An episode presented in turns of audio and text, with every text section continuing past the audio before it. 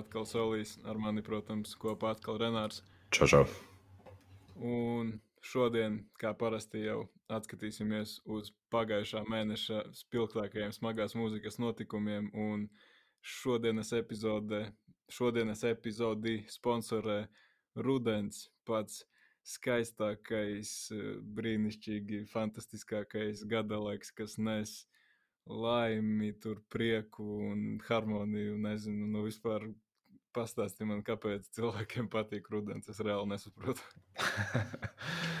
Nē, nu, varbūt tās, tās krāsainās lapas un tam līdzīgi, bet nu, es arī tā par starpsezonām īpaši nefanoju. Tur dubļi un, un, un nokrišņi. Tas nav priekš manī. Nē, nu, protams, ir forši, ka tu sēdi iekšā un skaties, kā aiz loka līst un kā tur cilvēki mokās. Bet, nu, man labāk vai nu ziema vai vasara. Jā, es nezinu, kaut kādu, tas man liekas, tādu baigo nomaktību kaut kā nes virsū. Zini, esi to seriālu skraps skaties kaut kad? Nē. Nē, nu, tur labi, tas nav svarīgi, bet bija viens tur tāds brīdis, kurā tur vienu čalīti tā kā Viņa savāca un saka, vecīt, mēs tevi atradām parkā, tur kliedzot uz cilvēkiem un metot ar akmeņiem pa viņiem. Kāpēc tu to dari? Un viņš tā galvu saķēris, kāpēc viņiem jābūt tik laimīgiem. Un es tā apmēram jūtos par cilvēkiem, kas tur baigi fano par rudeni. Un es nezinu, es to nesaprotu, kas tur var patikt. Un velk uz kaut kādu reāli tādu nomaktību, par ko mēs šodien noteikti vēl vairāk parunāsim tādā mūzikas ziņā. Bet teiksim, nu, tā, nu, sapinot, protams, šo visu tēmu ar metālu, tad kāda būtu tā rudeniskākā mūzika, varbūt priekš tevis? Hmm. Interesants jautājums. Tā nebija aizdomājies. Um, nu, man vairāk tām izteiktajām sezonām, ziemai un vasarai ir kaut kādas konkrētas grupas, bet nu, visticamāk, kad rudenī es klausītos Nu, ja man būtu jāizvēlas priekšrudens, tad gan jau klausītos tās pašas ziemas grupas, kaut kādu agaloku, tur uh, statika mm. X, nu tāds kaut kādu vai nu industriālu, vai nu kaut ko tādu ļoti atmosfērisku, nu, kas, kas iet uz to augstumu drīzāk, zin kā, nu, skaņa ziņā. Un, uh, tā, tā, nezinu, es, es laikam neesmu tik ļoti kaut kāds gada laika cilvēks, man visi tādi diezgan normāli liekas tie gada laiki, nu, katrā ir jau kaut kas savs, un tad nezinu, nav jau tik traki. Nu, jā, bet vispār bija tāda sajūta, bez mazliet, ka uz to zobens un lemes festivālu bija ieslēdzies tāds rīktīgākais black metāla noskaņojums. Un es īstenībā atļaušos pat teikt, ka šis te augusta mēnesis bija reāli smagākais mēnesis šogad. Tāds rīktīgs sitiens pa sevi, ja tā var teikt. Manuprāt, reāli labākie desmitāla albumi, kādi uz šo brīdi ir iznākuši šogad. Tad tie iznāca tieši šī pēdējā mēneša laikā. Tiešām daudzi gaidīti nosaukumi, un es esmu pārliecināts, ka kaut ko noteikti palaidu garām. Jo, ja pagājušos mēnešus tā sanāca, varbūt pat drusku paslinkot, tad šomēnes tieši pretēji laikam, ka kaut kas noteikti tā teikt, palidoja zem radara, tad es reāli nezinu pat ar ko un kur sākt. Tad nezinu, kā mēs chronoloģiski kaut kā iesim, vai vienkārši sāksim ar kaut ko, un tad skatīsimies, kur tas aizvedīs. Nu, es gribēju piebilst, ka tiešām šis mēnesis bija diezgan iespaidīgs ar, ar albumiem. Nu, ļoti daudz kas iznāca, un kopumā mēnesis tiešām šķita tāds jaudīgs un, un, un vienkārši pavi, tā kopīgi skatoties labo albumu mēnesi šogad. Un, uh, es domāju, ka mēs varētu sākt, kad vienkārši runā par kaut kādiem albumiem, kurus tu esi dzirdējis, un tad es pakomentēšu, ja man būs ko. Pēc tam beigās nosaukšu pārējos. Nā, nu, okay, nu, tādi principā lielākie, kas piesaistīja uzmanību un bija visvairāk gaidīti, laikam bija četri, un visi ir tādi, kā jau teicu, smagie sitieni pa seju, tāpēc varbūt, nu labi, es vienkārši chronoloģiskajā secībā uh, Tad uh, pirmais, kas šomēnes iznāca kaut kurā augustā 4. vai kaut kurā, nu, tas nav baigi svarīgi, bet es īstenībā viņu tikai vakar noklausījos. Tā ir grupa Black Crown Initiate ar savu jaunāko albumu, kura nosaukumu es neatceros. Uh, tā grupa ir tāda interesanta tādā ziņā, ka mm, kaut kad iepriekš jau esam runājuši, tas viņu IP man liekas super fantastisks un tā vispār visu laiku mīļākais IP, bet tie viņu pilna garuma albumi gan, es nezinu, kaut kā mani nepaņem, kaut kas tur drusku pietrūkst, liekas, tu noklausies to albumu, vai ne? Jā, es noklausījos un Man, man bija no priekškonteksta vecais materiāls izkrīt no galvas, bet man šķiet, ka viņš bija tāds nu, smagāks. Un, nu, šis albums, pirmkārt, viņš saucas Violent Portraits of Doomed Escape. Nu, kurš to var atcerēties? Nu, vajag tikai pierakstīt, tad jau būs. Bet labi, tas tā. Uh, iznāca 7. augustā, un jā, nu, ko es varētu par to albumu pateikt? Uh, man tas vienkārši šķita kā skaists, progresīvais metāls. Uh, brīžiem saklausīju paralēlas ar grupu Mastodon. Tieši vēlējos mm. viņu albumos, varbūt vokālajā stilā vairāk. Bet nu, nu, viņš tāds diezgan saudabīgs, tas materiāls bija. Un, uh, man patika, kā tur, piemēram, bija kaut kādas melanholiskās instrumentu daļas, un kā viņi tur kāpināja tās dziesmas. Bet, bet, uh, uh, Nu, jā, es, es domāju, ka es nevarētu neko īpaši sūdīgu piebilst par šo albumu. Nu, ja, tu, ja tu gaidīji kaut ko smagāku, tad varbūt sanāk nedaudz tāda vilšanās. Nē, es negaidīju neko baigi smagāku. Un jā, ir jau gan jau tā, kā tu saki, ka, nu, skatoties uz to viņu pagājušo materiālu, ka tur varbūt tiešām ir tās smagākās lietas. Tā vispār jau interesantākā lieta par šo grupu liekas tā, tā tīrā dziedāšanas iepīšana, tādu, kā jau teicu, arī mierīgāku un atmosfēriskāki tādi elementi. Bet, jā, es nezinu, tas ir, protams, albumam, kā vienmēr ir jādod otrā iespēja, bet tev, zini, ir kaut kādas grupas, kurām tev ir savā galvā kaut kādi zināmi standarti, ko tu no viņiem gaidi. Un es saku, kaut kā, es nesaku, ka tas albums ir slikts, bet, bet kaut kas vienkārši nu, ne, nav tā klikšķa, ka, ka tu ka tas pār, tiek pārcelts kaut kādā tajā nākamajā līmenī, un tu sāc par viņu baigi fanot. Kaut kas, kaut kas drusku pietrūkst, bet tas tā, nu es tā stulbi izdarīju, es iesāku tā baigi saslavēju šo mēnesi un iesāku ar kaut ko negatīvu, bet, bet, bet ar to arī viss beidzas, jo viss nākamais ir tikai pozitīvas lietas sakāmas.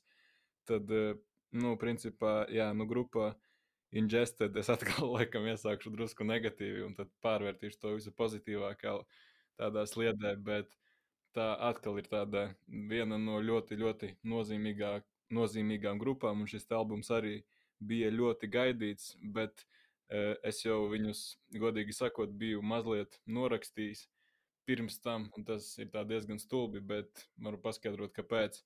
Et viņi jau sanāk, kad viņam bija tas pagājušais albums, bija 2018. gadā, un pagājušajā albumā viņi izdeva arī savu EP, Un tur jau reāli viņam tāda diezgan liela stila maiņa notika. Tas viss tika, viss liekas tāds daudz tīrāks, tā produkcija vairs nav tik netīra, kā viņa bija tajos pirmajos albumos, pirmajos EP, un varbūt jau tas liekas kaut kas drusku tāds komerciālāks, nezinu, bet jā, un tāpēc es jau tā, nezinu, zinu, kā ir tādi, dažreiz tu tā, piemēram, runā ar kaut kādu tur 50-gadīgu metāla fanu, kurš tur saka, ka tur pēdējais kreatora albums, ko viņš tur ir dzirdējis, ir no 90. un tad to tālāko viņš nav klausies, un tad tā brīnīties.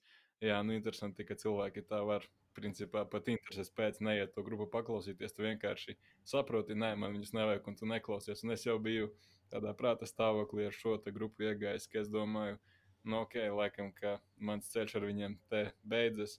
Bet šis albums mm, ir superīgs, un man baigi patīk, ka principā viņi izglāba tas, ka viņi atgrieza to tādu.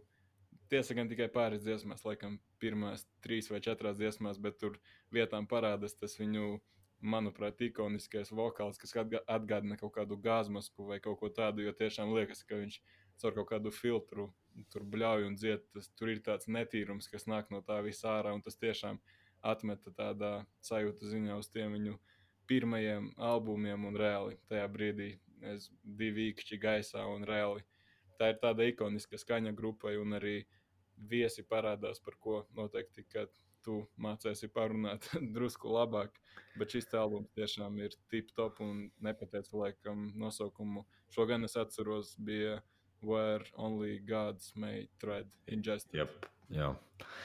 Nu, man ar šis albums šķiet lielisks. Nu, nu, vienkārši meistardarbs, manuprāt, tāds nopietns. Uh, Defkora, Sleepsvītra, Defmetāla albums. Un, nu, nu, man nebija ko sliktu teikt. Man pat varbūt tās labāk patika dziesmas, kurā nebija viesi. Ja. Mm. Kaut vai es tur fanoju par uh, kraubāru vokālistu tiem projektiem, bet man laikam labāk patika tās, kur nebija tie viesi.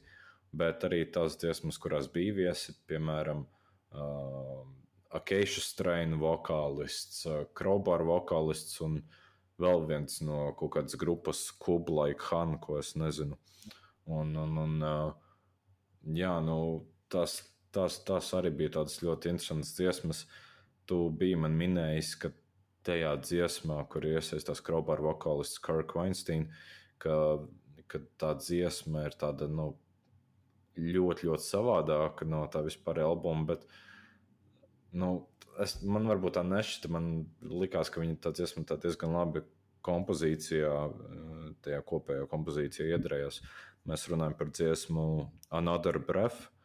Un, jā, nu, man liekas, tā varētu būt tāda nu, agresīva mīlestības dziesma. Ja. Nu, pēc lirikām paskatoties, tas varētu būt kaut kas tāds. Un, jā, nu, tā, tas bija ļoti interesants projekts. Man personīgi ļoti patika dzirdēt uh, to viesi. Uh, nu, teiksim, krietni agresīvākā projektā, bet viņš arī bija tāds tomēr lēnāks nekā pārējais albums, tāds smagāks, bišķi, bet ne agresivitātes ziņā vienkārši tādā nu, ma masivitātes ziņā, ja tas kaut ko vispār izsaka. Jā, zinu, kā vienkārši, ko es par to dziesmu, ar to kirku biju domājis. Vienkārši viņa man likās tāda savādāka, varbūt tādā ziņā, ka ir tā sajūta, ka viņa ir rakstīta tā kā priekš viņa, jo viņa tā drusku varbūt lec ārā uz to mm. pārējo dziesmu fona, jo tas tā nav tā viņa kā tipiskā skaņa, ko tu parasti mm. sagaidi no tās grupas. Un jau pirmajā reizē, kad vispār, kad es kaut kur padzirdēju kaut kādos tur promo materiālos, ka viņš būs šīs grupas albumā, tas jau likās tā mm. drusku dīvaini. Jo principā viesi viņiem nav nekas jauns. Viņam, manuprāt, katrā albumā tur parādās kaut kādi, bet visi tur ir brutāli death metal un slime čaļi. Un šis bija tāds, manuprāt, pirmais viesis, kas vienkārši tādā, nu, relatīvi tīrā balsī, tīrā dziedāšanā tur kaut ko pievienoja klāt tas likās tā drusku interesanti. Bet, jā. Jā. Nē, nu, bet tas tā forši, nu, man liekas, savādākā situācijā diez vai uh, Karku dzirdēt kaut kādā definitīvā vai tam līdzīgi. Bet uh, viņam pa lielam tur bija tikai divas rindiņas, kuras atkārtojās divas, trīs reizes. Un, uh, bet, nu, bet nu, tāpat tās, nu, tā, nu, tas, tas varbūt tās liecina, ka tā nu, dziesma nav tikai par to viesi, ka viņa lielākoties ir tās grupas dziesma, tur vienkārši tiek bijusi iesaistīta kaut kāda cita. Un vispār Karkam jau ļoti atbilstoši tās, tās, sen, tās sentimentālās lirikas tematikas nu, ir. Kā, jā, man kopumā viss šis albums ļoti patika. Jā, šī grupa arī noteikti kādreiz gribētos redzēt dzīvē. Baigi interesanti, kā viņiem tas ir tiešām strādātu, jo bundzinieks vienkārši ir necilvēcisks vietām. Tas liekas, manuprāt, tā ir realitāte. Viņu latviešu sakot, signature skaņa, signature skaņa, kas uzreiz tu saproti, dzirdot tādas bungas, tu uzreiz reāli saproti, kas tā par grupu, jo nu, nenormāls ātrums, baigā tehnika un būtu tiešām iespaidīgi redzēt to dzīvē. Bet, nu, varbūt tā iemācītu kādu albumu tagad. Jā, nu, tu iepriekš tur pieminējies par gazmaskām. Runājot, tur, oh. turpinot par gazmaskām, tad jau laikam jārunā būtu par grupu Saita Toxin un viņu jaunais albums Nuclear. Nu, tur tāds rakstās, viņš tā bišķi dīvaini salikti, tā kā divi vārdi kopā - Nuclear un Earth, nu tā kā zeme. Un, jā, nu, šis noteikti bija viens no tiem albumiem, kas šomēnes izcēlās. Un, uh, jā, ko lai pasaka par viņu. Nu, tas viss bija tāds vienkārši rīktīgs blieziens, un man liekas, tā tehnika šajā albumā ir jau viena līmeņa augstāka nekā iepriekšējā albumā, piemēram. Un, uh, nu, jā, tur var jau saklausīt tādas tā kā. Uh, nu, teiksim, tematiskās skaņas, kas varbūt tās raksturīgas vairāk kaut kādām grupām, kas spēlē pa nākotnes tematiku vai pa ārpasaules tematiku. Ja? Bet nu, varbūt tas, tas viss ir kaut kā savstarpēji saistīts arī ar to apakalipses tematiku. Un, jā, nu, man uzreiz asociācijas parādījās ar grupu Rings of Saturn. Bet nu, šeit tas vienkārši jau tā tehnika vien, nu, maksimāli uzslavējama. Ļoti liels albums šķita. Bet es tā nevarētu pateikt vienu dziesmu, kura man rīktīgi izcēlās. Viss bija tāds ļoti foršs kopumā. Jā, nu, es nezinu īstenībā, kur sākt ar šo albumu, jo tas noteikti tikai gada beigās kaut kur parādīsies diezgan augstās vietās, kad mēs runāsim par gada labākajiem albumiem. Bet vispār tas pirmais iespējas un vispār albuma koncepts kopumā kaut kādas veida paralēles gribas vilkt ar pagājušā gada Cattle Decapitation albumu Death Atlas, mm. jo tas atkal bija tāds sev galvā kaut kāds nenormāli augsti uzstādītais standarts pirmo reizi es viņu noklausījos, un tev ir tā nav vilšanās sajūta, bet tev kaut kāda mazuma piegarša parādās. Bet, kad tu klausies otro, trešo, ceturto reizi, nu, reāli vo, tur gan tas klikšķis notiek. Un, jā, nu, gribētu teikt, laikam, ka šis te ir viņu tāds pieejamākais albums, jo reāli. Nu, tīri arī vokālu ziņā, piemēram, un instrumentu ziņā, man liekas, ka tādam jaunpienācējam tas būtu labs veids, jo pagājušos albumos tur ir tādas diezgan trakas lietas vispār notiek. Un tā, un manuprāt, e, tā, kā tu teici arī par to grupu Rings of Saturn, piemēram, e, cilvēki varbūt šo te arī, kas nav tik ļoti, varbūt, kas nav baigi lielie tehniskā desmetāla fani, varbūt viņiem liekas, ka tas ir par daudz un tā, bet manuprāt, viņi reāli māk tik perfekti staigāt pa to plāno līniju, un viņi tā kā Viņi ne, nepārspīlē, viņi vietām parāda reāli, ko viņi var. Tehniski tur viss ir superīgi. Bet tajā brīdī, kad tev liekas, ok, čāli, jā, mēs sapratām, viņi tā kā aproja un sākas kaut kādas drusku vienkāršākas, grūvīgākas daļas. Un, nu, dziesma Lupus, Aurora, tā otrā albuma dziesma, nu, tā reāli ir gada dziesma, manuprāt, vismaz uz šo momentu. Nu, mm. Nu, tur tik enerģiska, tik superīga, tik smaga. Un, jā, nu, īstenībā, es tā godīgi sakot, man jau likās, ka tu drusku nepavilkies uz šo manu hypu, uz šo grupu. uh, bet uh, šo albumu varbūt drīzumā, kaut kādā tuvākā mēneša laikā, ar kaut kādu youtuberi, kas varētu jau būt parādījies šajā te uh, podkāstā kaut kad iepriekš, varbūt arī uztaisīsim tādu kopīgu projektiņu un iziesim cauri visam šim albumam angļu valodā un paskatīsimies, kā tas mums tur viss sanāks. Tā kā jā, nu, uh, tad tur arī varbūt vēl sīkāk un detalizētāk. Bet tu arī teici par to nākotnes tematiku un par ārpasaules, vai kā tas ir teicis? Jā, ārpasaules un šai grupai konkrētāk kaut kā apakalipses tematiku. Jā, tad par to apakalipses tematiku interesanti, jo viņiem šis ir ceturtais albums, un tad pirmais albums bija reāli par to Černobiļas uh, kodola reaktora sprādzienu, tā kā tā laika līnija, tāds tā kā koncepts otrajā albumā jau bija uh, kā, sekas pēc sprādziena, tur varbūt viens vai divi gadi. Uh mhm. -huh. Tad trešais albums bija vēl kā tālāk, un kaut kā Fukushima tur tikai iepīta, un šis albums ir tā kā jau reāli bezmazliet tāda diezgan mūsdienīga versija tajā apakalipsē. Tā kā mm. uh, grupas tas vokālists saka, ka viņam liriskās tēmas vēl pietiks diviem vai trim albumiem, kaut kā tā viņš teica. Tā kā, jā, nu, šī tā ir tāda tiešām ļoti iemīļota grupa uz šo brīdi. Un īstenībā forši, ka tev, ka tev arī patika mm. vairāk nekā es biju cerējis. Jā, interesanti. Es nezināju, ka viņam tur tāds koncepts aiz tā visa iet. Un... Tā interesanti. Nu, man, man liekas, es biju iepriekš paklausījies tur nu, vairākas dziesmas, nevis albumus no viņiem. Nu, bija tā tīra forša, tā diezgan neitrāls sajūta, bet nu, šis man tiešām likās forši. Varbūt tāpēc, ka man Rīgas un Saturn ļoti patīk. Bet, nu, uh, Bet, bet jā, tur uh, definitīvs ļoti labā līmenī. Jā, nu, ko tu vēl šo, šomēnes dzirdēji? Incantation dzirdēji? Jā, nu, tas arī bija nākamais, ko gribējās pieminēt. Nu, tur arī tikai pozitīvas lietas sakāmas, bet es godīgi sakot, vispār nu, pirms tam nebiju lielākais incantation fans pasaulē, bet šis man tā kā drusku mm, pamainīja to viedokli. Un, ja tagad ir tā vēlme tomēr iziet cauri tai vispār visai viņa diskogrāfijai, kā tev. Jā, nu es tā neteiktu, ka es būtu beigts klausīties viņa iepriekšējos albumus. Dažas dziesmas ar paklausījos un tā, bet uh, šo jaunu albumu Seko, Sect of Vile Divinities noklausoties, nu jā, nu, tur, tur skaidrs, ka viņi prot uh, tīru death metālu, skaidri, stiprā nu, līmenī, tā, nu, tā pamatīgi to uztaisīt visu. Un, nu, viņiem ir tā, saglabājusies bija tā old school skaņa, kas viņiem iepriekš bijusi. Vienīgi šoreiz varbūt tās, tās izmaiņas vairāk, nu, vispār kopumā pa diskogrāfiju skatoties, tās izmaiņas vairāk dzirdamas tieši instrumentos. Varbūt tās viņi paliek tam modernāki savā skaņā un tam līdzīgi, bet smagums tur nav zaudēts. Nu, jā, šeit šķita tāds veiks, veiksmīgs definitāla albums šomēnes. Un, tā kaut kā. Dūņu jau tur arī netrūka. Ne?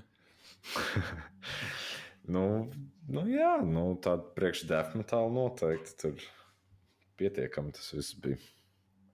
Bija, bija tur tādas lēnās daļas, bet tā dziesma trešajai nemaldos Entrails of the Hag Queen vai kaut kā tā. Nu, viņa iesākas vienkārši nu, tik intensīvi un tik forši. Nu, tas reāli, manuprāt, tas ir tāpēc, kāpēc cilvēki klausās desmitālu tieši tādas daļas. Nu, nē, nu super. Tas albums pat īstenībā liekas garāks, varbūt nekā tas īstenībā ir. Tur bija 12 kaut kādas dziesmas, bet un pārsniedza kaut kādu 40 minūšu robežu. Nezinu, ir tā sajūta, neskapēc, ka viņš tur bez mazliet stundu ir, bet, bet tas tiešām bija forši reāli. Tādi tiešām tādi veterāni un mm. spēcīgi. Un tas bija tiešām tāds mēneša, nezinu, vai pārsteigums, ja tā varētu teikt. Nu, varbūt, ka jā, jo es, kā jau teicu, es tā baigi no viņiem neko negaidīju, jo es tā sevi par baigo fanu neuzskatu. Bet, bet tagad noteikti būs tur viss jāaiziet. Vienkārši viņiem tā diskogrāfija, manuprāt, ir diezgan tāda apjomīga. Tāpēc, mm. tāpēc tas ir tā atturējis diezgan vienmēr. Jā, jā. Ko tu vēl šodien dzirdēji? Nu, pa lielam šie bija tādi spēcīgākie tādi sitieni, laikam. Kā jau teicu, es noteikti kaut ko aizmirsu, tūlīt tu pateiksi kaut ko tādu, un man būs, nē, fuck, jā. jā. Bet... nu, labi, nu, runājot par albumiem, kuri šķita garāki nekā viņi bija. Man tāds, tāds, tāds uh, bija grupai Year of the Knife, un viņa jaunais ah, albums okay. Internal Incarnation. Kā tā. Jā, jā. Nu, šis bija rīktīgi jaudīgs. Nu, tāds brutāls, netīrs beatdowns, nu, tur nu, uz robežas ar defmetālu. Nu, tas bija tas. Es nezinu, vai tas līdzinās kaut kādam tam varmetālam, par ko tik pa laikam runājam, bet nu, šis bija jaudīgs. Viņam pus, viņš aptuveni pusstundu garš, bet likās, ka tur nu, kādu stundu viņš iet. Sliktā ziņā es to nesaku, bet uh, jā, šis bija jaudīgs.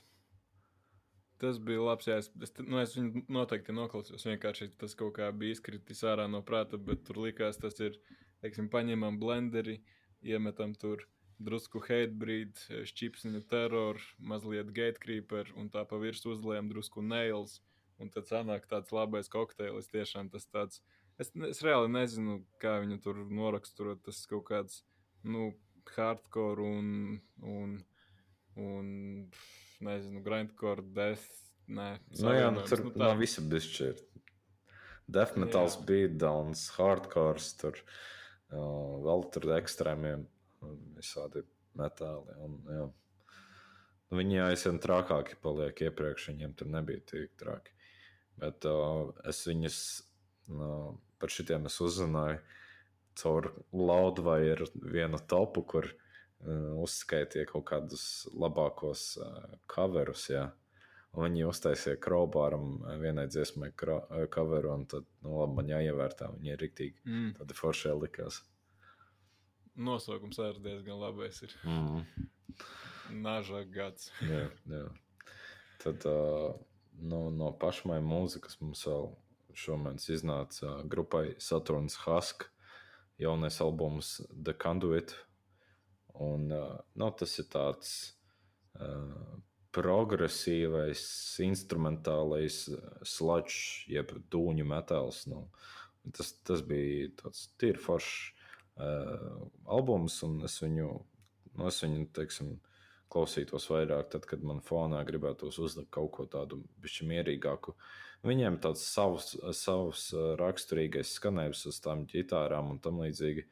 Tāds nu, savs distortion, varētu teikt. Viņš tāds nu, rīktīgi dūņēns. Mm. Es ne, tu gan jau ka nedzirdēšu to. Ne? Nu, es dzirdēju visu, ko tu man sūtīji, bet es pieļauju, ka šis netika sūtīts. Tāpēc, mm. nē, laikam. Nu, jā, nu, tas ir no pašmāju mūzikas šomēnes. Tas noteikti ir highlights. Tas ir tāds metālā mums šomēnes vienīgais tāds, tāda relīze. Un, ja, ja, ja gribas kaut ko no mājām paklausīties, nu, respektīvi no Latvijas, tad šo noteikti ievērtējiet. Nu, koncertos viņi arī forši spēlē tāds. Viņiem drīzumā arī būs kaut kādi koncerti par, par to vēlāk. Tad vēl šomēnes grupa Misery Signals izdeva albumu Ultraviolet. Um, nu, man pat grūti dokumentēt par šo albumu. Man liekas, ka viņi vienkārši kopēja uh, kaut kādus tur kristāla laiki, ja nemaldos, vai kaut ko tamlīdzīgu. Nu, man šis nešķita uh, viņiem atbilstošs albums. Un, uh, tad, tad vēl grupa Crystal Lake izdeva albumu Voyages. Uh, tas ir nu, tas albums tāds uh, savādāks, bišķi, jo viņš ir vairāk tā kā kompilācija, bet viņi vienkārši veco relīžu dziesmas atlasījuši un pārakstījuši par jaunu. Un tad, viņi, un tad uzreiz tur tāds nu, rīktīgi smagais metālkors, nu, tā kā uz robežas jau ar defkoru. Un tas bija rīktīgi foršs šomēnes albums. Un, jā, pēdējie iepriekš albumi, kas nākuši no viņiem, nu, pēdējais un pirmspēdējais, ja nemaldos, tie man tā nepārāk, jo viņi jau aiziet uz to nu, tā, tā kā ņūmetāla skaņu, kas ir mūsdienās ir diezgan popsīga, un tāpēc man vairs nepatika. Bet viņiem agrāk bija ļoti foršas dziesmas, tādas nu, nenormāli zemās vokālas tur parādās un tam līdzīgi. Tad vēl vietējā grupa Mēnesis Putni oficiāli izdeva to, nu, publicēja savu to EP. Mm. Nu, viņš tā kā pieejams straumēšanas vietnēs. Tad uh, par ņūmetālu turpinot bišķi. Uh, grupa Head PE izdeva albumu uh, Class of uh, 2020. Nu, no, nosaukums tāds patīsls, nu, tāds jocīgs, teiksim, teiksim tā. Nu, es, es neesmu šīs grupas lielākais fans, bet šis albums šķita tīri ok, priekš viņu metāla. Uh, Bet nekas tāds, uh, ko es teiktu, ka ir obligāti jānoklausās. Faniem varbūt tas būtu interesanti paklausīties. Tad. Uh... Mēs tikko zaudējām 3 no 5 klausītājiem. Jā. Bet viņi arī Latvijā kaut kad, kaut kad būs drīzumā. Ne? Jā, viņi, nesa, viņi bija, un tad, uh, tad viņiem ir ieplānots vēl viens koncerts, bet ar to Covid, un, man liekas, viņš visu laiku pārstāvjās. Uh, Bet es domāju, ka es uz šoreiz aiziešu pagājušais neaizgāju. Mm. Tad uh, no vietējiem ir vēl viena relīze. Uh, bija tāda grupa, nu, es jau biju iepriekš minējis, uh, Ženē Krupā. Viņiem tur ir uh, viens albums un viens vai divi EP izdoti, bet viņu vokālists, slīpsvītra un bundzinieks, viņš izdeva solo albumu. Uh, Un albums saucas Pērkona negaisa. Nu, viņš nav, tas albums nav īsti nu, metāla ietvaros. Viņš tāds uz, varētu teikt, tēmo pusi vairāk iet, nu, kaut kas tāds, uh, nu, tād, varbūt hardcore, grūti tā pateikt. Nu, viņš nav agr, īsti agresīvs albums, bet, ja patīk grupa Ženē grupā, noteikti ir vērts dot iespēju šim albumam. Un, un, un, jā, tas bija interesants, ka uh, no vietējās grupas ir kaut kāds solo pareikts. Man liekas, tā nenotiek mums. Mm, nu, jā, īstenībā. Mm. Un ko vēl šodien var pieminēt? Grupa Survive, Japāņu tāds thrash, slīpsītra death metals. Viņi izdeva EP The Road to Hell is Paved by Goodwill. Un, uh, jā, nu tas šits jau vismaz es, es te paspēju tikai kaut kādu dziesmu vai divas noklausīties. Tas jau vairāk izklausījās pēc Behamota, bet uh, tai grupai vispār vajadzētu dot iespēju, jo viņi tāds, nu, viņiem ir tāds savs Japānas skanējums, viņiem tas death metals ir nu, tāds bišķi netīrāks, varētu teikt. Un, uh, un, un, un, jā, kā, to varbūt ir arī vērts ievērtēt. Bet no manas puses par šī mēneša albumiem tas būtu viss. Jā, ar to pēdējo gan tu ieinteresēji to. Es palaidu garām un vajadzēs īstenībā jau laikam šovakar paklausīties Survive un kas viņiem bija, kāds tas nosaukums? Vai garais? The road, ah. the road to hell is paved by good will. Nu, ah. Viņš iznāca nu, reāli kaut kur pašās augusta beigās. Jā, vispār jā, šo rudenī visādi eksperimenti veidojas, un tu mēģini kaut kā drusku klausīties, visādu sviestu, lai kaut kā novērstu domas, bet sanāca īstenībā atrast arī kaut ko tīri sakarīgu. Un, e, tāds, ja nemaldos, tas saucas neofolk, neofolk, tāds žanrs diezgan interesants un mm, diezgan neiespējami, ka es to tagad jums izrunāšu, jo tur tas nosaukums ir franču vai itāļu valodā, es nezinu, bet nu, grupas nosaukums ir Rome. Un atstāšu video aprakstā linku uz šo albumu. Tas ir diezgan forša tāda akustiski lielākoties mūzika ar tīro dziedāšanu, ar tādiem diezgan superlipīgi piedziedājumiem. Tāpēc e, tas tāds foršs palaitas attīrītais pēc visiem šiem smagajiem sitieniem pa seju, kas mums tika iedoti augustā. Tāpēc tīri tā fonā uzslēgt e, kaut ko savādāku. Es patiešām ieteiktu šo albumu. Un jā, vēlreiz linku varēsiet atrast video aprakstā. Uh, Bet uh, īstenībā, ah, jā, vēl Anāla no Strāha jauno dziesmu dzirdēju. Nē, neesmu dzirdējis. Nu, tas bija kaut kas baigi superīgs. Atkal, atkal, kuru reizi jau šajā sērijā saku, bet atkal tev ir tie nenormāli augstie griezti uzlikti. Pirmo reizi tu to dzirdi, un tu tā drusku sašļucis esi, bet tad nākamā reize, vēl nākamā reize, un tad tas tā reāli aiziet. Un tas ir reāli nākamais albums, ko šogad es gaidu visvairāk, un es domāju, ka viņi tā teikt, piegādās preci pilnā, pilnā komplektā. Neatceros, kad viņš iznāk kaut kad oktobra beigās vai novembrī varbūt, bet to noteikti, to noteikti ir vērts gaidīt. Tā dziesma ir nereāli laba. And Darkenment arī titula dziesma no jaunā albuma, tāpēc to noteikti visiem, kam patīk trakas lietas, vajadzētu ievērtēt. Jā. Um, pirms mēs turpinām ar nākamo segmentu, es gribēju piebilst par uh, krekliņiem, tie, kas ir pieteikušies viņiem. Mēs neesam aizmirsuši par to. Ja vienkārši sakarā ar Covid un, un, un visiem pasākumiem, kas mums te vietā noticis, ir bijis tas ievilcies garumā. Bet, bet tiklīdz būs, būs tie krēkliņi, es noteikti došu ziņu. Tā kā, jā. Ah, improvizētais segments, grupu cīņa. Dark Throne vai Mayhem? Tev, priekš tevis, kura grupa uzvar? um, Mayhems. Kāpēc? Tāpēc, ka tur ir vairāk dziesmas, kuras man ir iespiedušās prātā. Nu, Freezing Moon, un to nevar neklausīties. un man arī pēdējie albumi īstenībā patīk, lai viņi tādi diezgan avantgardīgi, bet tie man labāk patīk. Mm. Es gan laikam ņemtu Dark Throne. Nu, tīri, protams, ja mēs runājam par pirmajiem, kuri tur ir reālais black metals, es mm -hmm. neesmu klausījies laikam tos Dark Throne albumus, kas tur ir pēc 2000. gada, kur tur ir eksperimentācija ar visādiem stiliem. Tas varbūt pagaidām tā baigi neinteresē, bet nu tie Blazing the Northern Sky, Panzerfaust, Transylvanian Hunger, nu tas tāds. Tas, manuprāt, ir drusku grūtāk par Mehem, bet Mehem laikam ar to savu stāstu varbūt. Uh, varbūt paņems vairāk cilvēkus. Gaidām jūsu piedalīšanos šajā cīņā. Bet uh, man liekas, tas pirmspēdējais albums, Esoteric Warfare, tas, tas bija kaut kas. Viņš tāds riktīgi, nu, tāds baiss, tāds creepy albums iznācis ar visu to, ka viņš tāds lēnāks. Un, jā. jā, ok. Tad, tad jā, turpinam ar rudens nomaktību. Uh, un ar tādām pavisam skumjām lietām, un parunāsim par par mūsu top 5 mī... ne, mīļākajām, nebūs šoreiz laikam pareizi.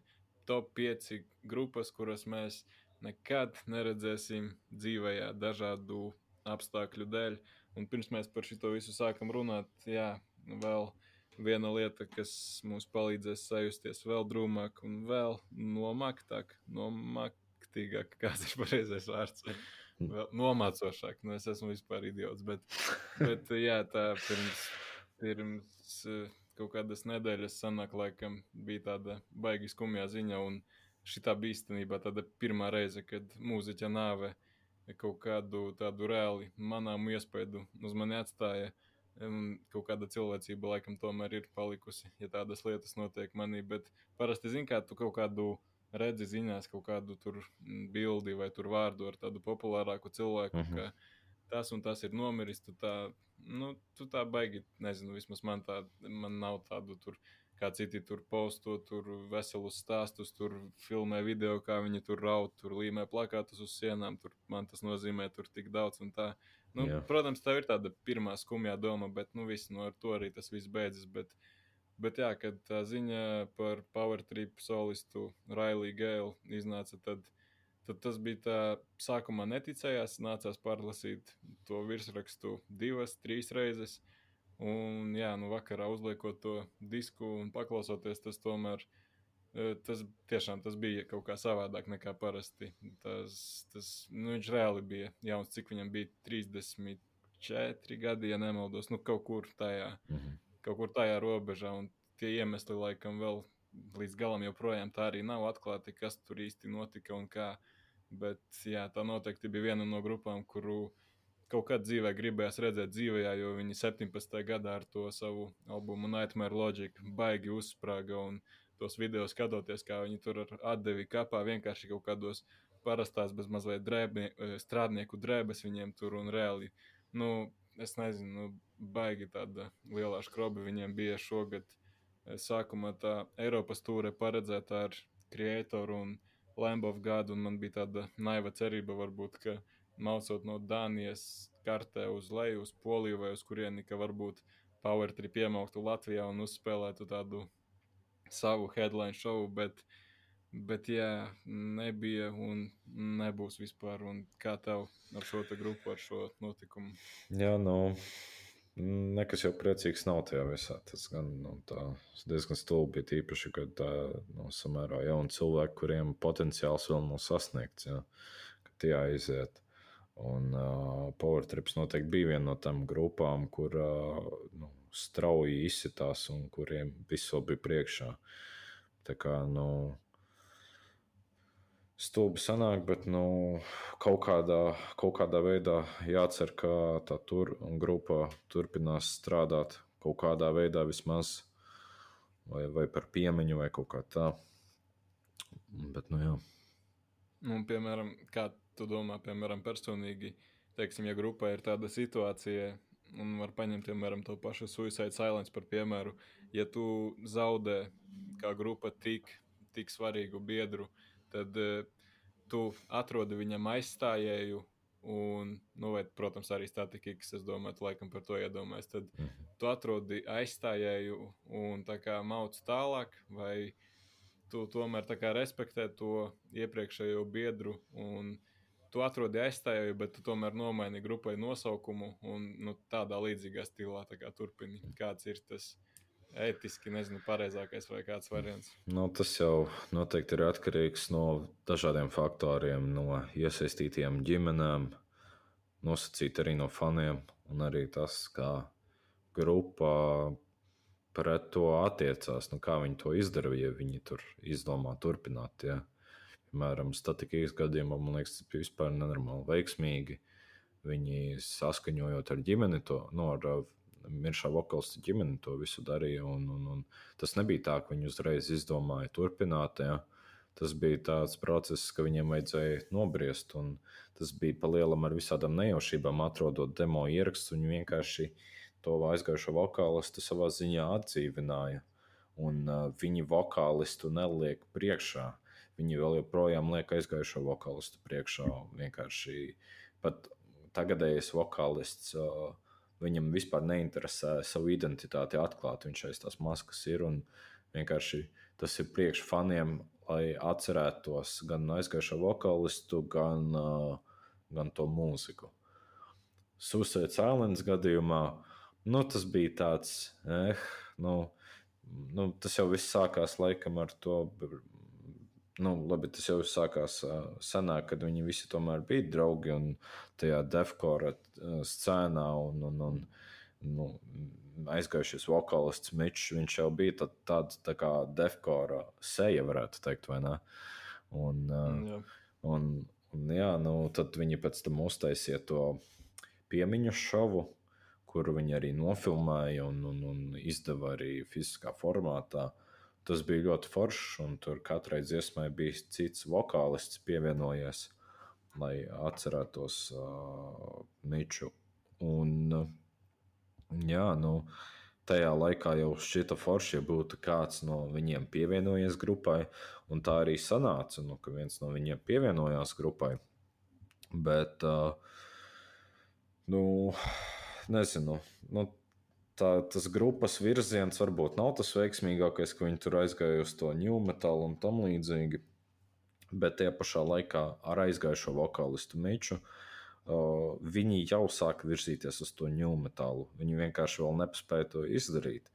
Un, uh, protams, var tur vainot uh, to jauno vokālistu un, un, un, un jāteikt, ka viss ir sūdīgi, bet nu, uh, Es domāju, tā grupa vienkārši gribēja muzicēt tālāk. Un, un, un, un es domāju, ka tur beigās nevar īsti neko pārmest. Nu, nezinu, varbūt tas, kā tu saki, ka vajadzēja nomainīt nosaukumu, varbūt būtu bijis savādāk, bet aiz tā vārda ir arī nauda. Un, uh, viņi noteikti tas arī nu, to, to aspektu gribētos cilvēkiem saglabāt. Un runājot par pašu pēdējo viņa albumu, Es tur neko sliktu neredzu. Tas bija ļoti labs albums, manuprāt, arī ar to visu jaunu vokālistu. Jā, nu tā ir tāda laimes spēle. Tu reāli nezini, kā tur tas viss sanāks. Piemēram, arī grupa Ezēlai Dying, kad viņiem tas vokālists tika iesēdināts cietumā, tad pārējā grupa tā kā nomainīja nosaukumu, un nu, tas viņiem kaut kā galīgi tur baigi tā neaizgāja. Un, uh, kad vokālists atgriezās un viņi atkal visi apvienojās, tad atkal visi ir atpakaļ un viņi mauc uz priekšu. Kā, protams, ka jā, grūti pateikt. Un, mm. Jā, uz šīs skumīgās nots tagad mums būtu jāsaka, labi, liekam punktu un mācām uz kaut ko priecīgāku, bet nē, mēs liekam komatu un grimstam dziļāk nomaktībā.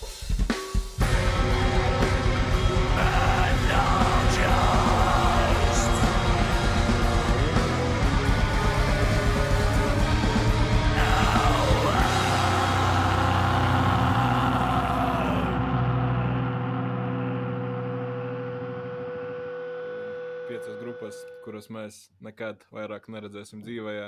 Varbūt tāpēc, ka tas reāli vairs fiziski nav iespējams un nekad nenotiks, vai varbūt kaut kādu citu iemeslu dēļ. Bet, eh, jā, nu, varbūt tas iesākšu. Man liekas, jā. ka es dabūšu varbūt no tevis maksimāli līdzjūtību uz divām grupām no piecām. Bet eh, piektā grupā vienīgā, kas nav īsti metāls, bet nu, teiksim, roka žanrā viņa noteikti ietilps, tāpēc es tomēr viņu te izdomāju ielikt. Un arī tā diezgan tematiski, jo šī mēneša, aizvadītā mēneša laikā pagāja 30 gadi kopš uh, Viktors Cojas arī nomira. Un, protams, ka runa, runa ir par grupu Kino, manuprāt, lielākā vispār Krievijas tāda kulta roka grupa. Un tā, tā viņu atmosfēra, ko viņi rada, ir tāda uh, arī pirmkārt ļoti rudenīga, manuprāt, tāpēc tas tā savalkas atkal tās visas lietas kopā. Un, e, jā, es tā pieļauju, ka ar šo grupu tev tādas beigas attiecības īsti nav. Man nav nekādas attiecības ar to grupu. Es pirmo reizi dzirdu tādu nosaukumu. es īsti neklausos krievu mūziku, godīgi sakot. Jā, nu, nu tur, tur ir tiešām ko paklausīties. Tie, tās lirikas ir, zināmā mērā, dažreiz saka, ka varbūt uh, dzēja nestrādā gluži kā lirikas mūzikā, vai gluži pretēji otrādāk. Ja tu paņem kaut kādas lirikas no mūzikas, tad tā, nu, tā nekļūst par dzēju automātiski, bet man liekas, ka šajā gadījumā tas viss tiešām strādā visos virzienos. Tie, tie teksti dažreiz ir vienkārši super, banāli vienkārši, bet reizēm viņi ir tādi diezgan dziļi un, un tur ir vērts paklausīties. Un, jā, nu, tas reāli vairs, protams, nekad nenotiks, jo pats to ir miris un diezgan nu, vienīgais, ko tagad var ņemt, ir ņemt un skatīties kaut kādus vecos ierakstus un, un kaifot, laikam, gluži nebūs pareizākais vārds. Bet, bet tā tāda, manuprāt, diezgan ievērīga grupa. Man īstenībā nav nejausmas, vai viņi kādreiz uz, e, ir uzstājušies Latvijā. Varbūt kāds vecāks klausītājs, kas šo te klausās, varētu atbildēt uz šo jautājumu. Bet, bet tas tā, mēs varam grimt vēl dziļāk. Jā, nu es ar piekto vietu nedaudz nokrāpos. Man, man būs divas grupas, un īstenībā šīm grupām vēl, nu, varētu teikt, varbūt ir cerība, ka viņi kādreiz sajiet kopā, bet patreiz mm. nekas par to neliecina. Nu, grupas, kuras es uh, saucu, ir uh, grupa Madveina. Nu, grupa vienkārši ir pašķīrusies, un tur ir savstarpējās nesaskaņas, un viņi katrs dara kaut ko savu. Un grupa Agaloth, nu, viņi ir uh, arī pa, pašķīlušies, katrs dara kaut ko savu. Bet nu, tās ir tādas grupas, kuras es ļoti, ļoti gribētu redzēt dzīvē, un, un nu, man ma, maz ticība, ka kādreiz kaut kas varētu notikt katrā no šīm abām grupām. Bet nekad nevar teikt, nekad, tāpēc ka nu, tagad pat tas ir pierādījies. Tāda grupa kā Statika X, kur nu, kurai nu, vispār gan uh, sava žanra, gan uh, savas grupas seja, nu, kaut vai viņa nu, vairs nav starp mums, viņi tāpatās atrada veidu, kā to visu turpināt, un ļoti veiksmīgi. Tāpēc um, pat šīm grupām, kurām vēl nav miruši dalībnieki, uh, tomēr nu, tā cerība ir kaut kāda, bet nu, arī vēl faktors, ka mēs atrodamies Latvijā, nevis kaut kādā Amerikā. Un tad, tad ir tādas ļoti, ļoti, ļoti mazas cerības. Un, nu, tad tās grupas vienkārši pa lielam paliek tikai sirdī. Un, jā, nu, tā kā jā, grupa Madveina, tas ir tāds nu, kopā gājis ar visādiem ņūmetāla grandiem. Ļoti forša grupa. Tā ir tāda grupa, kur ar gadiem cilvēkiem aizvien vairāk patīk. Un tā ir tā grupa, kurai tas video klips kur tiek trakie čaļi. Un, un, un jā, Agalos tas ir tāds atmosfēriskais pleķis, tāds ļoti, ļoti jauka grupa. Nu, diezgan interesanti. Man nebija nejausmas, ka Agalohi ir, ir pašķīrušies. Es, es tā tieši arī pēdējā laikā tā mazliet vairāk viņus klausos. Un, reāli nebija nejausmas. Man vispār, ja godīgi likās, ka tas ir, nu, ja, ka tur ir baigi mazais tas sastāvs viens tikai vai divi cilvēki, bet, mm. bet tā ir reāli tāda vesela grupa sanāk. Jā, jā. jā. Hmm. Nu, viņi sen, man liekas, kaut kādā 14. gadā pajuka. Tad no viņiem tur iz, izveidojas grupas Pelorian un vēl tur kaut kādas. Mm. Jā.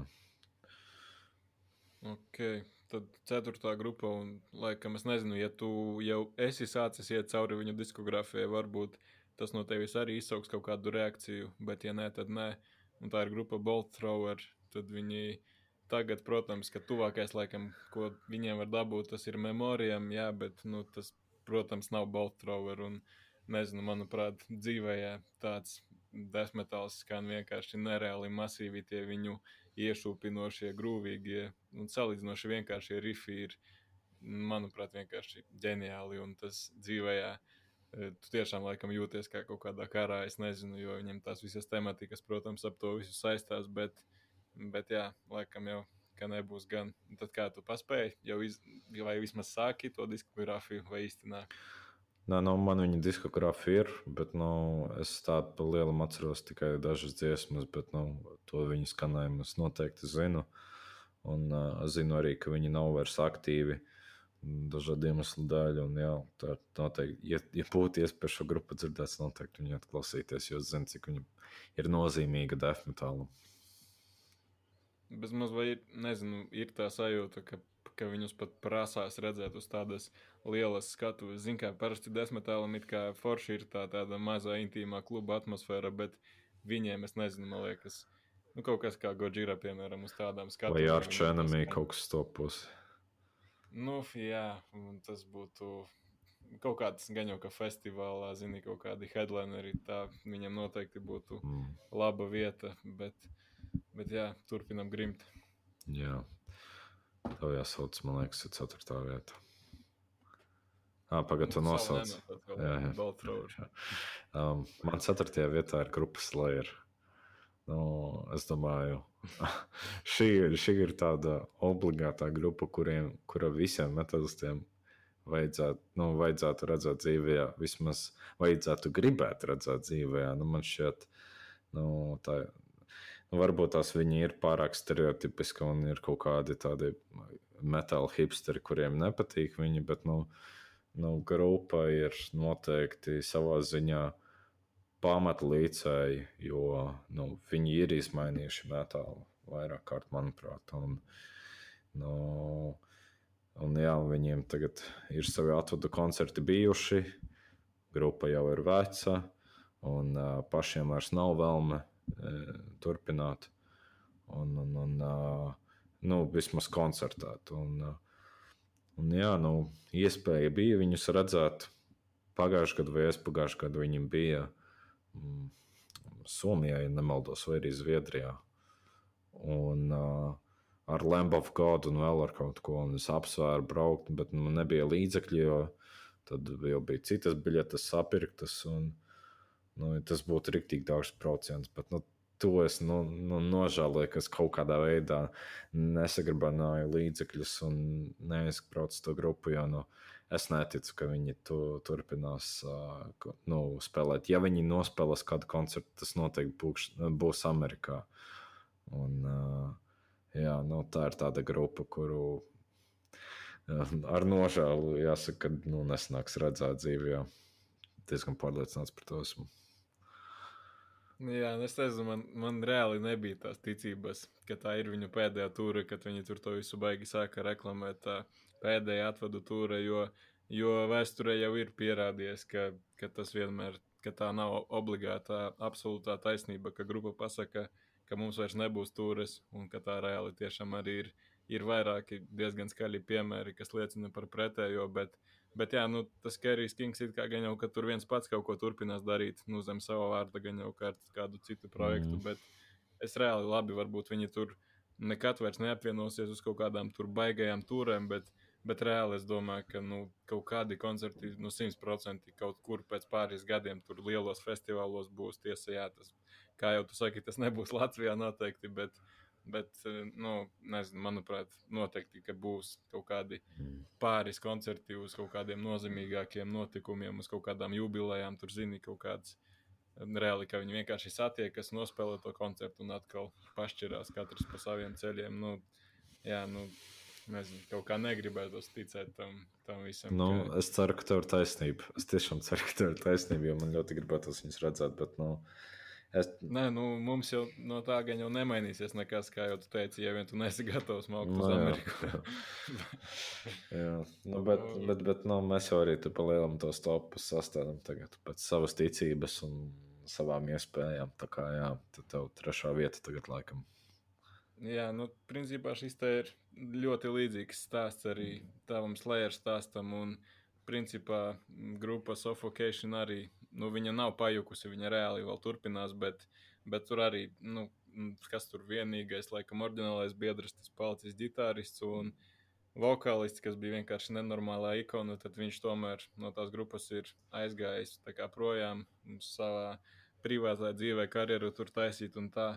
Un arī, nu, teorētiski jau tā iespēja pastāv, jā, bet tās iespējas, tie procenti ir nereāli mazi, ka tu atradīsies vajadzīgai vietā, vajadzīgai laikā, tur tajā vienīgajā datumā, tajā vienīgajā festivālā, kas notiks tur kaut kādā otrā pasaules malā.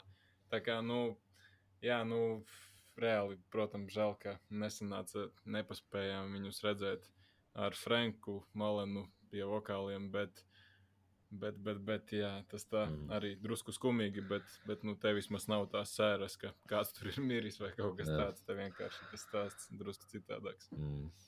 Nu, man nākamajai grupai gan varētu iesaistīt miršanu.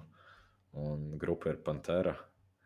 Un, uh, Ding, ding, ding. Man arī otrā vietā ir pantera, tā kā mēs apvienojam šo te. jā, nu man trešā. Un sanāk, ah, nē, nu nekas, tev, tad jau to tāpatās jāturpina. Tā kā mums sanāk apvienot viss kārtībā. Nu, Ah, jā, fuck, sorry. Nu, un, uh, nu šeit varētu teikt, ir tāds tā kā turpinājums, uh, ko es saskatu grupai Madveina, ko es iepriekš nosaucu. Grupas biedri sagāja naidā, un tas netika atrisināts līdz kāds nomira, un tad visi tādi, jo mums tur žēl, ka viņš tur aizgāja tam līdzīgi. Un, nu, Mm. sanāk, ka tur. uh, Sanāk, viņ, viņiem laikam pēdējās uzstāšanās bija 2001. gadā vai kaut kas tāds, ja nemaldos. Un tad tur uh, da, tam ģitāristam Dimebagam viņam bija tur savi projekti. uh, Un, un, un, un, kā viņi tur saucās, bija piemirsās. Un, uh, Nu, brāļi abi spēlēja kopā tajā damage plānā. Jā, Damage plānā, tad tur uh, koncertā to ģitāristu nošāva. Un uh, pēc tam bundzinieks Vinijs Pauls, laikam tā viņa sauc. Ja? Jā. Jā, un tad uh, viņš turpināja, viņš vēl vis kaut kur spēlēja. Viņš spēlēja ar to Madveinu vokālistu grupā Hell Yeah. Un, uh, un, un, un uh, viņš arī diezgan nesen, uh, dažus gadus atpakaļ, uh, nomira. Un, un, nu, jā, tā panteras tur atgriešanās, tā ir tāda neiespējama lieta.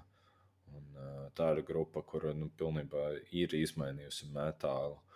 Un, uh, kaut viņi tur sāk ar savu hēru metālu, bet uh, kā viņi iz, principā izveidoja grūvu metālu, un, un, un viņiem tik ikoniski albumi un dziesmas. Nu, jā, tā ir tāda grupa, kur patiešām gribētos redzēt, bet es neesmu tik vecs, lai, es, lai man būtu bijusi pagātnes formā iespēja viņus redzēt.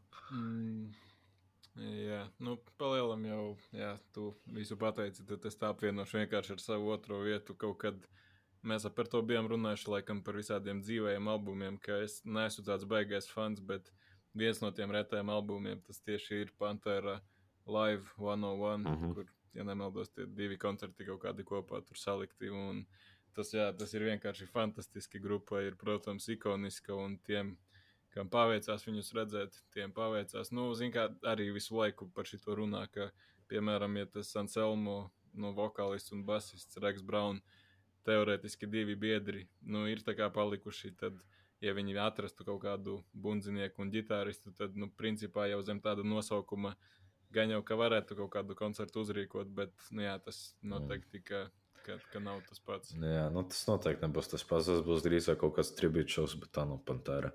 Un, uh, kā saucās tas ģitārists, kas bija Ozzy Osborne un Black Label Society? Wild. Jā, Zeko Veldu, viņš teica, ka viņš būtu mieru spēlēt. Un, Jā, jā, bet, bet uh, tas tā, un, uh, zin kā jau visi arī tur, visiem patīk vainot to Anselmo, un, un, un uh, viņš tur ar visu to dzeršanu un tam līdzīgi, bet patiesībā cilvēks ir ļoti, ļoti, ļoti aktīvs. Visu laiku visādos projektos iesaistās, drīz viņam būs kaut kāds solo projekts izdots, un tad uh, viņš vēl tajā ar tiem illegāls vēl tur muzicē, un, un, un tikko vēl bija uh, atgriešanās koncerts tajā grupai Down, kur bija arī Kirks uh, no Crowbar, šis Kīnens no Corrosion of Conformity, un tur vēl bija kaut kāds mūziķis. Un, nu, tā vispār tāda supergrupa, baigi foršā. Tie, tur viņiem bija tāds live streams, un uh, to man diemžēl sanāca nokavēt. Un, jā, bet, bet uh, viņš ir aktīvs, un, un, un uh, es domāju, ka viņam diez vai būs. Uh, nu, nepieciešams atjaunot Pantēru, viņam pietiek, ko darīt.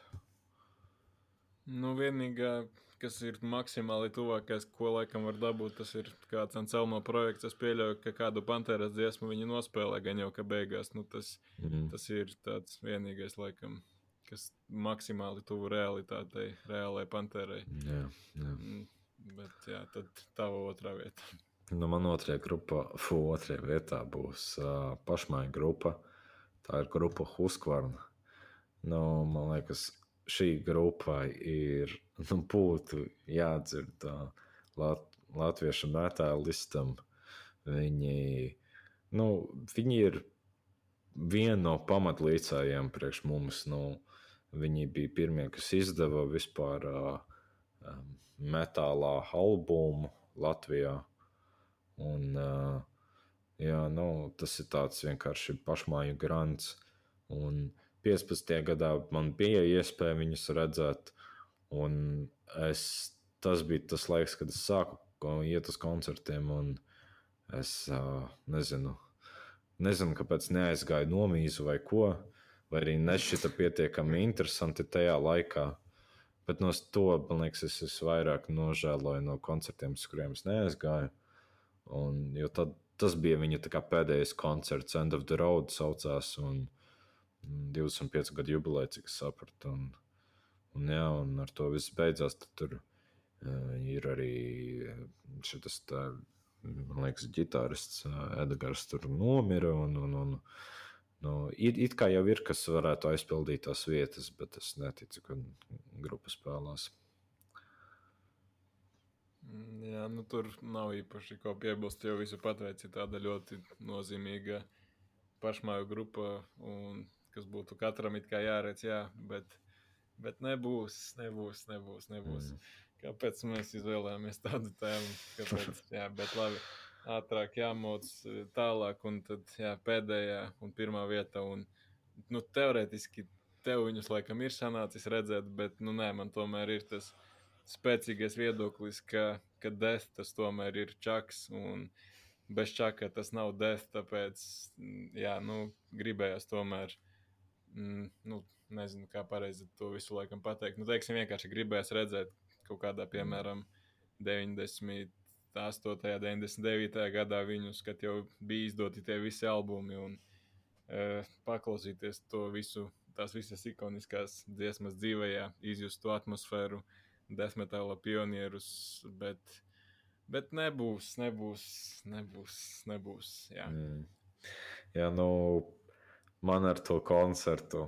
Nu, man tā vieta ir aizpildīta. Nu, es, protams, būtu gribējis redzēt ar čaku, bet tas, kā to viņi izdarīja, uh, Nu, man liekas, labāka nevarēja būt. Un man bija sajūta, ka es esmu tajos gados, kad tas viss notika. Un, un, jā, nu, tāpēc es šajā savā sarakstā neiekļauju to grupu. Un, nu, tur, tur cepuri nost, tur vienkārši aiz, aiz, aizstāja čaku. Un arī tā nu, bija tā diezgan neuzkrītoši. Tur nebija tā, ka viņš izcēlās tas vokālists. Mm. Tur visu pārējā grupa izcēlās. Tā, bundzinieks, kas testamenta bundzinieks, kā viņam bija vārds. Nu, zinu, ka viņam iesaukt bija Atomic Clock, uh, Gene Hollands. Uh, oh, jā. Yeah. Un, un, un basists uh, Steve DiGiorgio, vai kā viņam tur bija uzvārds. Un, uh, tur vēl bija viens ģitārists, kuram es aizmirsu vārdu. Un, Jā. Nē, nē, nu, protams, nu, tādi komandai salasās, nu, protams, ka nevar neaiziet. Nu, vienkārši nebija man tādas nu, iespējas, no, jā. ja būtu, prot, protams, ka es aizietu un to izbaudītu, bet Bet, eh, jā, nu, tomēr. Bet es varu pamanīt, uzminēt to pirmo vietu. Nu, mēģini.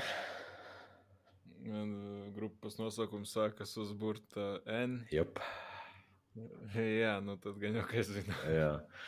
Nu, nevar mor. Jā, jā, grupa nevar mor. Un uh, vispār es sākumā biju piepildījuši par to tēfu, kad tad, kad es uzzināju, ka viņi uzstāsies Rīgā, nu, man bija tāds sapņu piepildījuma sajūta. Ja? Nu, tas bija fantastiski. Tāpēc vienmēr gribās cerēt, ka tomēr kaut kādā veidā tas grupas uzstāsies, bet nu, šobrīd tā grupa Nevermore, nu, es vispār neredzu iespēju, nu, nulle iespējas, ka viņi uzstāsies. Tāpēc, ka vokālists vairs nav starp mums. Un, uh, nu, bez viņa, nu, es neticu, ka kāds cits varētu aizpildīt viņa kurpes vai arī sasniegt nu, to līmeni, kāds viņam bija. Un, uh, Arī pārējā grupa ir uh, aktīva. Šis ģitārists aizgāja uz uh, Arch Enemy, un tur viņš ir ļoti veiksmīgs. Un, un viņš bija arī viens no tiem galvenajiem dalībniekiem, kas to visu izveidoja. Un, uh, viņš uh, nu, arī nu, saka, tas nu, tas nenotiks, tāpēc ka tā grupa bija tas aizgājušais vokālists Varels Deins. Un, uh, un, jā, nu, tur, tas, tas vokālists stils, kad nu, tur, tas, es pat nemāku noraksturot, vienkārši tās augstās vokālas, tā visa kompozīcija ar instrumentiem. Tas viss, diemžēl, ir jābauda tikai digitāli vai nu, fiziskā formātā, nu, respektīvi, audio formātā. Un, un var skatīties kaut kādus ierakstus. Ja es būtu uzzinājis par šo grupu ātrāk, varbūt tās es būtu redzējis to grupu, nu, pirms kaut kādā 14. gadā vai tam līdzīgi. Bet nu, šī grupa noteikti nebūs dzīve, jā, un, un, jā, un tad, tad, tad man, man liekas, tur arī parādās tāds moments, par ko mēs jau esam runājuši, ka tu atklāji baigi foršo grupu, un tu vienkārši tu esi wow, sajūtās un tāds. Un, un bišķi parocies dziļāk par viņiem, un tu saproti, nu, fuck, nu, ne, nebūs dzīvē, neredzēs viņus, kāpēc tikai tagad uzzināju. Bet, nu, jā. Nu jā, nu šis tiešām nav kaut kas tāds, ko varētu mēģināt aizstāt vai vispār piecināt tur jaunu vokālistu un pārveidot to visu. Nu, reāli būtu jāmaina kaut kāda grupas skaņa, manuprāt, tas, jo diez vai kāds tur varētu mm. to visu Nu, tuvākais, ko tur varētu izdarīt, varbūt tas ir tie bijušie dalībnieki, izveidot atsevišķu grupu. Tas ko tu iepriekš minēji, ka tur ir cita nosaukuma, bet, bet uh, tur nebūs tas pats. Un, uh, ja man būtu jā, jāsaka kaut kāda no šīm grupām, ko mēs nosaucam, ievērtēt, es domāju, ka šī būtu tā. Un, jā, nu, tur visa diskogrāfija ir vienkārši meistardarbs, manuprāt. Un, jā. Nu jā, bet varbūt, ja kaut ko drusku priecīgāku gribas, tad pirms pāris mēnešiem mēs bijām uztaisījuši topu, top 5 grupas, kuras mēs ceram vai gribam vismaz kādreiz redzēt dzīvē. Tāpēc e, pārmaiņas pēc varētu varbūt kaut ko tādu paklausīties, tad notrauksim asaras un mauksim tālāk. Tad kas mums tur tālāk paredzēts? Jā, nu mēs pirms varam arī parunāt par turpmākajiem koncertiem, kurus, kuri ir gaidāmi. Un, un, un, nu, septembra mēnesī, piemēram. Tepat, uh, bet bet pagaidi par, par kaut ko aizvadītu. Kā tā ah. sanāca īstenībā festivālu kaut kas uh, kaut kur iet? Jā, es biju uz, tūlīt es pateikšu, 29. augustā es biju depo uz vienu koncertu, tur uzstājās grunts, tur uzstājās M158 un grupa Opium Owl. Nu, tas viss vietējās grupas. Nu, grunts man no tām gru grupām izcēlās, bet, nu, pa lielam tās, ko tu dzirdi viņu uh, vienīgajā EP, tas ir tas arī, ko tur dabū. Un, uh, nu, jā, tas bija tāds foršs, ko paklausīties un, un, un ar draugiem pasēdēt. Un palielam, nu, tos, tas bija vienīgais bez festivāla, ko šomēnes redzēju. Kas tā par grupu M127? 158. Nu, tas ir kaut kāds, uh, varētu teikt, mm, thrash metāls ar kaut kādiem black metāla elementiem. Bet, mm. Cik es padzirdēju, viņiem tur kaut kāds singls vai divi publicēti, bet uh, to, ko es dzirdēju dzīvē, man neaizķērās. Vajadzēs pavērt, ievērtēt, uh, pastīties internetā, kas tur īsti viņiem ir. Un, uh, jā, tāds ļoti jocīgs nosaukums. Un tā, jā. un tā opiuma avula, tā ir kaut kāda psihedēliskā roka grupa. Jā, nu tā arī izklausās pēc nosaukuma. Un, un, un runājot par Nu, tu vispār pats tu biji bij kādu koncertu, gan jau, ka nē, nu, man liekas, Zobens un Lemes tas aizpildīja tādu gada normu bez mazliet. Bija forši, ka mums tas viss sanāca. Un, jā, apskats, protams, ir pieejams. Tie, kas nav dzirdējuši, varat droši iet un noklausīties. Un paldies arī visiem, kas, kas padalījās ar saviem stāstiem un atmiņām. Tā kā nē, man tādā ziņā jaunuma nav. Mm -hmm. Jā, nu, augusta beigās, 30. augustā, vēl bija grupai Down. Live streams, nu, viņi tur uztaisīja koncertu. Nu, tas bija mākslas pakalpojums, un, un, un varbūt kaut kur vēl ir pieejams, pieejami kādi ieraksti. Bet uh, varbūt ne šobrīd, varbūt nedaudz vēlāk. Bet, nu, man liekas, tas ir tāds, ko gribētos apskatīties vismaz man. Un uh, tad par septembri runājot, nu, te jau diezgan daudz notiek. Man šķiet, ka sezona jau atsākas, bet, nu, um, skatoties uz ziņām, aizdomas, ka tas otrais vilnis te, ar to covid varētu atsākties. Drīzāk jā, nekā nē. Tāpēc nu, grūti nu, būt pārliecinošiem ar to koncertu esamību. Ja? Tā kā mm. Desmit, nu, labi, es nosaukšu dažas grupas, kas uh, uzstāsies uh, 10. septembrī. Nekantīs Mārpls uzstāsies Noasā. Un, uh, 11. septembrī Noasā uzstāsies grupa Ogre.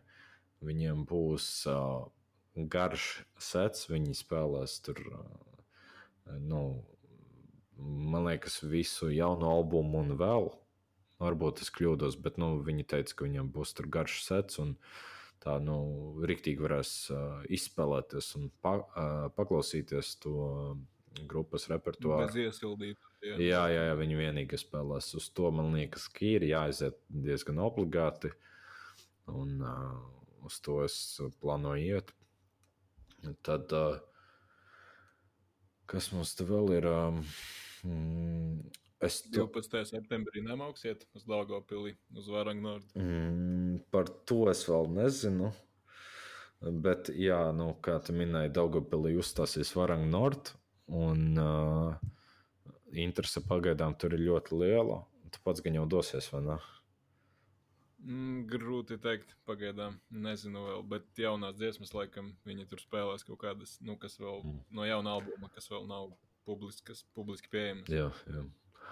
Nu, un, ja cilvēki uz to neaiziet, viņiem varianti, principā, visās Latvijas malās, Jelgavā uzstāsies šitie melnie ceprīšu balerējā grunts ar, ar kaut kādu igauņu bleķa grupu. Uh, Sungehelu vai kaut kā tam līdzīgi. Tad Rīgā nemierā būs nemiera festivāls, cik saprotu, tur būs kaut kādas mazās vietējās grupas. Un, uh, tad, jā, vēl 11. septembrī būs Estoners ar, ar, ar Helukah. Nu, tā ir Igauņu grupas, Stoners, es neesmu pārliecināts, vai Igauni grupa, bet viņi republikā uzstāsies. Tad, mm, kas vēl būs? Drūns, Helukah un Sārma uzstāsies republikā. Tas ir 18. septembrī. Tāda grupa nekad, tas tāds hardcore, nu, hardcore punks vai jau uz metāla pusi. Tie 18. septembrī uzstāsies Melnocaprīšu Balerijā, Jelgavā.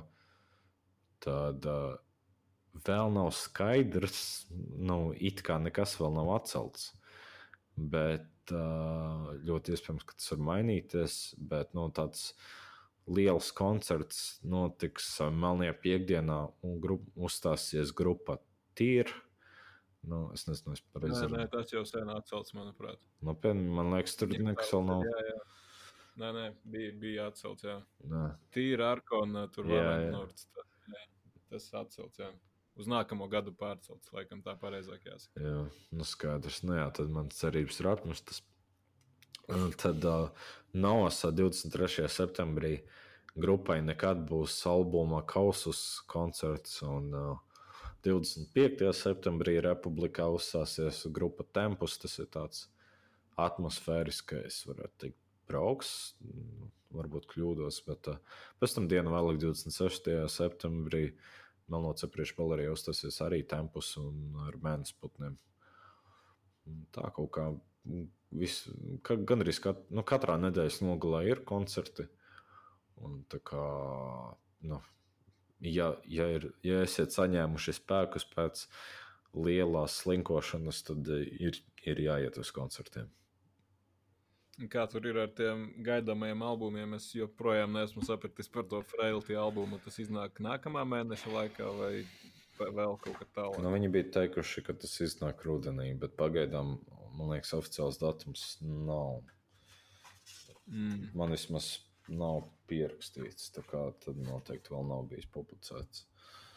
Bet nu, to mēs noteikti gaidām. Tas nu, būtu no šī gada vietējām grupām, tas būs noteikti albums, kas ir jāievērtē.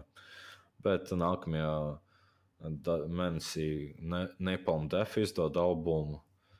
Solis būtu tīri interesants, bet neraksturīgs viņiem.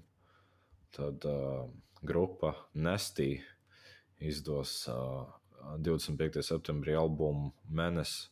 Nu, viņa tāds mm, slēms vai breakdowns. Es pat nezinu, kā, kā kategorizēt, bet nu, viņi diezgan tādi hardcore un, un, un brutāli ir.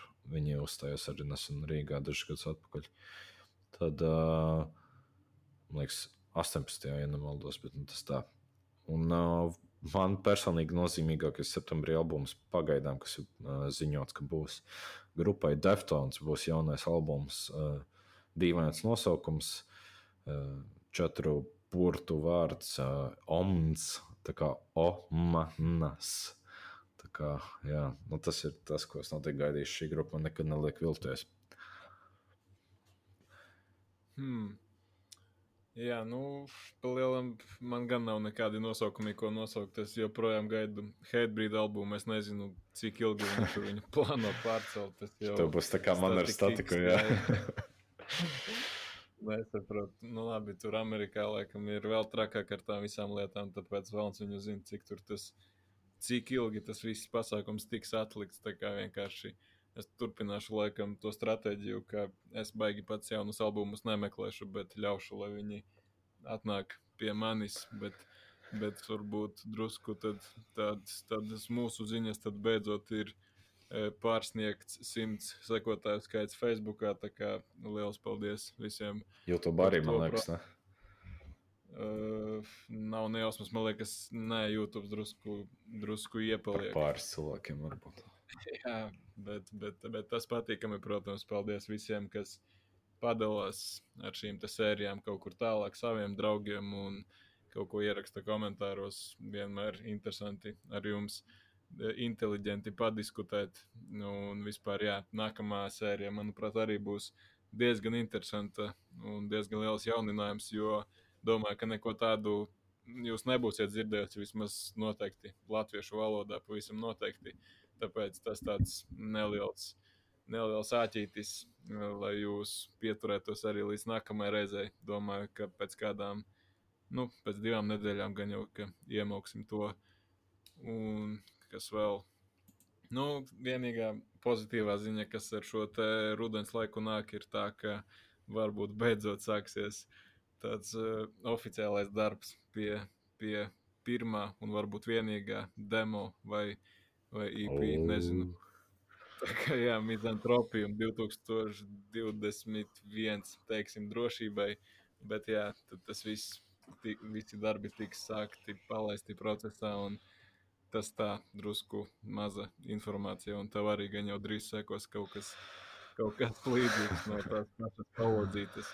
Nu, skatīsimies, laiks rādīs, bet, nu, jā, cenšamies mēs visi būt vietējā metāla scēnā nosacītie būt aktīvi kaut kādā formātā, kaut vai ar pašu podkāstu. Bet, nu, jā.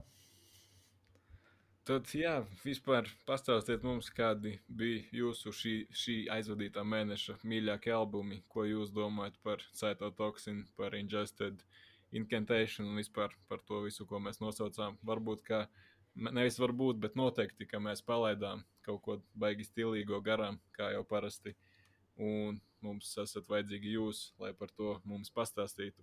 Bet, jā, tad arī, protams, ka turpinot skumju notis, varat padalīties arī ar savām grupām, kuras jūs nekad neredzēsiet dzīvē. Bet, bet, bet jā, nu, tas tā palielam lielos vilcienos esam izgājuši šim te visam apskatam cauri, un tad tiksimies diezgan drīz. Paldies par klausīšanos! turpiniet klausīties metāla kāstu, turpiniet klausīties labu mūziku un līdz nākamajai reizei. Čau! Čau, čau!